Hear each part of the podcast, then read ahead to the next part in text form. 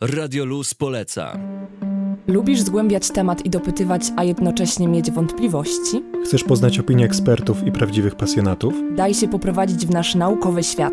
Pobudzamy ciekawość i szare komórki. Włącz na synapsach w środę o 17. I w soboty od 15 do 17 na 91 i 6 FM. Radio Luz poleca. Aleksandra Kolanek, prezeska Towarzystwa Herpetologicznego Natrix. Janusz Koskowski, jestem profesorem Uniwersytetu Przyrodniczego w Poznaniu. Krzysztof Kolenda, Zakład Biologii Ewolucyjnej i Ochrony Kręgowców, Uniwersytet Wrocławski. Jakie są główne zagrożenia dla płazów i gadów w Polsce? Jakie można podać za te najbardziej istotne? No to wydaje mi się, że musimy najpierw zrobić takiego rozdziału na kategorię naturalną i antropogeniczną, czy takie może bezpośrednio antropogeniczną. Z tych naturalnych no to są przemiany klimatyczne, które powodują przekształcenia siedlisk, zanik tych siedlisk i też przesunięcie w cyklu rocznym płazów. Czyli w momencie, kiedy płazy zwykle chodzą do miejsc rozrodu, to jest sucho, nie ma opadów, jest jeszcze zimno. No więc to wszystko się przesuwa, no i ma swoje konsekwencje też ekologiczne. A z tych antropogenicznych czynników, no to będzie przede wszystkim ruch kołowy, będzie też przekształcanie siedlisk przez człowieka na potrzeby np. jakichś inwestycji, czy, czy to budowlanych, czy to jakichś innych głównie inwestycji drogowych. I myślę, że też zarybianie, o czym był też między innymi wykład inauguracyjny na sympozjum, zarybianie jest jednym z zagrożeń dla populacji płazów, jest też jednym z zagrożeń dla populacji płazów tutaj konkretnie we Wrocławiu, także mamy ten aspekt taki lokalny.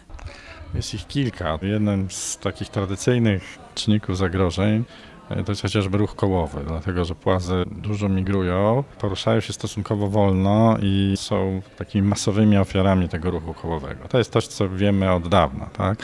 W ostatnich latach pojawiają się, czy identyfikujemy nowe zagrożenia, no, typu E, Chytridomikozy na przykład, czyli grzyby, są dwa gatunki takie z rodzaju Batrachochytrium, tak, które stanowią bardzo poważne zagrożenie dla płazów i istnieją gatunki, które właściwie zostały już zredukowane nie mam do zera przez te patogeny, ale też wiele innych drobnoustrojów, takich jak chociażby ranawirusy. Są też zagrożenia takie typowo bakteryjne, typu chlamydiozy, tak, ale to są, to są wydaje się, troszeczkę mniej groźne patogeny niż przede wszystkim te grzyby, które zostały odkryte stosunkowo niedawno, ale wiemy, że one już były czynne historycznie dziesiątki lat temu. To, to ich opisanie naukowe jest, jest stosunkowo świeże. Jest też kilka takich czynników ginięcia płazów, które są powiedziałbym niespecyficzne, to znaczy typowe też dla innych grup taksonomicznych, takich jak wchodzenie obcych gatunków, gatunków inwazyjnych, które w różny sposób negatywnie oddziałują na, na płazy. Jest kwestia zanieczyszczeń, tak, płazy mają bardzo delikatną skórę, tak, która umożliwia wymianę tak, materiału ze środowiskiem i stąd one są jakby wyjątkowo podatne na zanieczyszczenia i efekty tych zanieczyszczeń no, są bardzo specyficzne. Od deformacji do czystej śmiertelności poprzez różnego rodzaju deformacje organów ciała, po zmianę płci, no, historie, które trudno jest kontrolować w świecie przyrody. To są te, te właściwie chyba główne zagrożenia, które trzeba wymienić. Głównym zagrożeniem jest to, co spotyka płazy nie tylko w Polsce, ale także na całym świecie, czyli utrata siedlisk. I one jest spowodowana przede wszystkim czynnikiem ludzkim, czyli zasypywanie małych zbiorników wodnych, które są głównym miejscem rozrodu płazów i tak samo zanik łączności między siedliskami, czyli fragmentacja. I to powoduje, że po pierwsze płazy mają coraz mniej miejsc do rozrodu, ale także coraz trudniej jest im trafić do tego miejsca, bo na swojej trasie migracji napotykają na przykład na ulicę i tam muszą przemknąć między samochodami, co jak wiemy często jest tragiczne. I to jest jest główne zagrożenie, ale nie jedyne, ponieważ mamy zmiany klimatu, mamy patogeny, które atakują płazy i tych czynników tak naprawdę zanieczyszczenie, więc jest ich sporo, ale utrata siedlisk to jest coś numer jeden. Jak obywatele zwykli spoza jakiejś organizacji mogliby się przyczynić do ochrony płazów? Jakie działania my jako tacy zwykli mieszkańcy miast mamy możliwość podjąć, żeby im pomóc? Można się zainteresować, co się wokół nas tak naprawdę dzieje, czy na przykład gdzieś u nas na naszej dzielnicy, na osiedlu, w mieście, czy jakiejś tam mniejszej miejscowości, po prostu działa jakaś lokalna grupa, czy to z uczelni, czy to z organizacji pozarządowej. Można też tak bardziej bezpośrednio pomagać, czyli tworzyć miejsca rozrodu, jakieś małe oczka wodne. Też konsultując ze specjalistami, czy akurat to, co myśmy sobie wymyślili, na pewno będzie dla tych e, płazów dobre, no bo tak jak mówię, na przykład oczko wodne dla płazów jest ok, ale jeżeli zarybimy, no to tak jakby niweczymy ten efekt, który chcieliśmy osiągnąć. Budować jakieś takie schronienia zimowe, to wszystko są rzeczy, które można zrobić, jeżeli ma się dom, dom z ogrodem, uprzętając e, po e, sezonie jakieś pozostałości typu gęzie i tak dalej, to można po prostu w jeden kąt ogrodu i to już może być miejsce, w którym te płazy mogą bezpiecznie przezimować.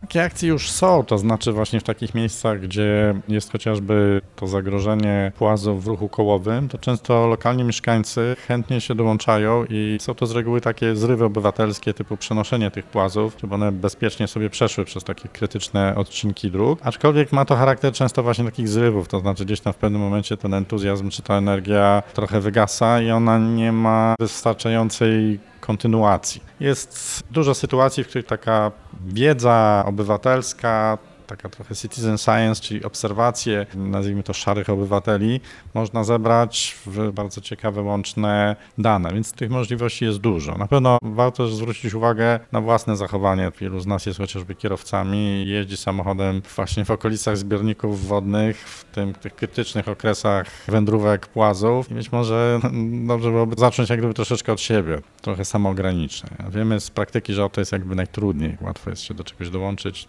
pozytywnie, natomiast tam, gdzie trzeba się sam ograniczać, to jest, to jest troszeczkę trudniej.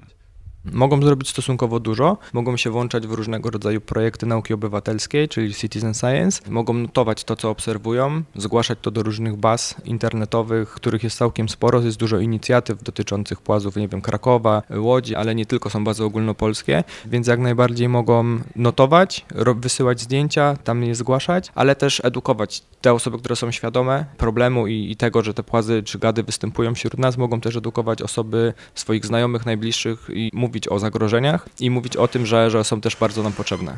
Citizen Science, czyli właśnie nauka obywatelstwa, zapaleńców powiedzmy, jak takie citizen science mogłoby idealnie wyglądać w ramach płazów i gadów?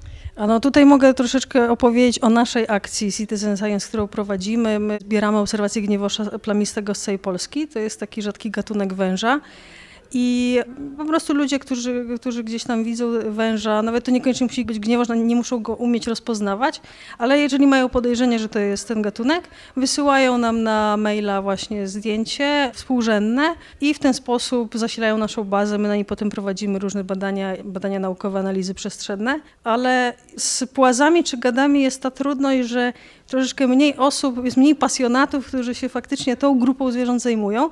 No więc też możliwości rozpoznania konkretnego gatunku w przypadku tych dwóch grup zwierząt są troszkę mniejsze, ale to można załatwić w ten sposób, że razem z takim systemem zbierania danych po prostu oferujemy klucz do rozpoznawania. My w przyszłym roku planujemy coś takiego opublikować, ale też taka weryfikacja przez właśnie ekspertów zewnętrznych tych wszystkich spływających obserwacji i po prostu też informacja zwrotna, jaki to gatunek jest, bo to od razu łączy nam to, to dla nas korzyści z edukacją taką ekologiczną. Oczywiście należy stworzyć jakąś taką podbudowę, gdzie ta citizen science mogłaby być dobrze zintegrowana. Na pewno dużo obserwacji płazów można po prostu zgłaszać. Tak, widzimy po badaniach rozmieszczenia płazów w Polsce, takich badaniach atlasowych, które są dostępne dla wszystkich w internecie, to widzimy, że mamy mnóstwo białych plam w Polsce, gdzie wiemy, że te płazy, te gatunki występują, tak? Tylko nie znalazł się nikt, kto by stamtąd zgłosił takie informacje. Więc myślę, że początek to byłoby raz zgłaszanie tych obserwacji. Przy pewnej wiedzy mamy trochę takich rzadkich gatunków, co do których rozmieszczenie jest bardzo słabo zbadane to tutaj byłoby pewnie miejsce na to, żeby świetnie to uzupełnić. Myślę, że ciekawe byłyby również informacje takie o zimowaniu płazów. Dawniej wiele płazów odwiedzało piwnice w domkach jednorodzinnych. Dzisiaj to jest generalnie jak to gorzej wygląda, e, ale dawniej rolnicy czy właściciele domków pamiętali ropuchy zimujące tam w kopcach ziemniaków, w piwnicach, tego typu historie. Więc zgłaszanie takich informacji może zbudować pewien e, całościowy obraz. Myślę, że też oczywiście w sytuacjach, jeżeli ktoś zaobserwował coś podejrzanego, to znaczy jakąś śmiertelność płazów gdzieś w zbiorniku wodnym, po sąsiedzku do swojego domu, żeby to zgłaszać. No bo nam cały czas brakuje troszeczkę takich ogólnokrajowych agencji, do których obywatele mogliby się zwracać. Na przykład ci, którzy potrącili jakieś zwierzę na drodze samochodem, teraz widzą, że jakiś gatunek, którego nie znają, być może znają, jest to gatunek rzadki i chcieliby coś z tym zrobić, żeby to potrącenie nie poszło jak gdyby całkiem na darmo, tak? czyli dostarczyć to zwierzę gdzieś do kompetentnych organów i taka, taka agencja bardzo by się przydała, bo takie, takie agencje istnieją w niektórych krajach zachodnich, gdzie obywatele z taką trudnością wiedzy ekologicznej mogą się z każdą potencjalną informacją zwrócić, więc w przypadku płazów, no to moglibyśmy zacząć od tego, żeby zbierać informacje o gatunkach, o występowaniu tych płazów i ewentualnie zwracać bardzo uwagę na to, czy gdzieś nie ma przypadków śmiertelności, co mogłoby nam pozwolić zidentyfikować takie, takie właśnie ogniska zagrożeń. Mogą to być choroby, ale mogą to być po prostu lokalnie zanieczyszczenia, bo o tym wiemy, że tych zanieczyszczeń różnego rodzaju małych zbiornikach wodnych jest bardzo dużo, więc przynajmniej na początek proponowałbym to. Tu można powiedzieć o projektach, które są w Polsce realizowane powiedzmy o takich w skali mikro, w skali miasta. To jest chociażby Żabing w Łodzi czy akcja Płazy i Gady Krakowa. Jest grupa naukowców, która coś takiego koordynuje i zabawa, ta akcja polega na tym, że mieszkańcy mogą zgłaszać swoje obserwacje. Jest do tego przygotowany specjalny formularz. Jest strona w mediach społecznościowych, gdzie są też ludzie informowani o przebiegu i o postępach i po prostu będąc na spacerze z psem czy, czy z rodziną gdziekolwiek, obserwujemy, robimy zdjęcie, no notujemy i, i potem do takich baz zgłaszamy. Także to jest coś bardzo, bardzo fajnego. Włącz się na 916.fm.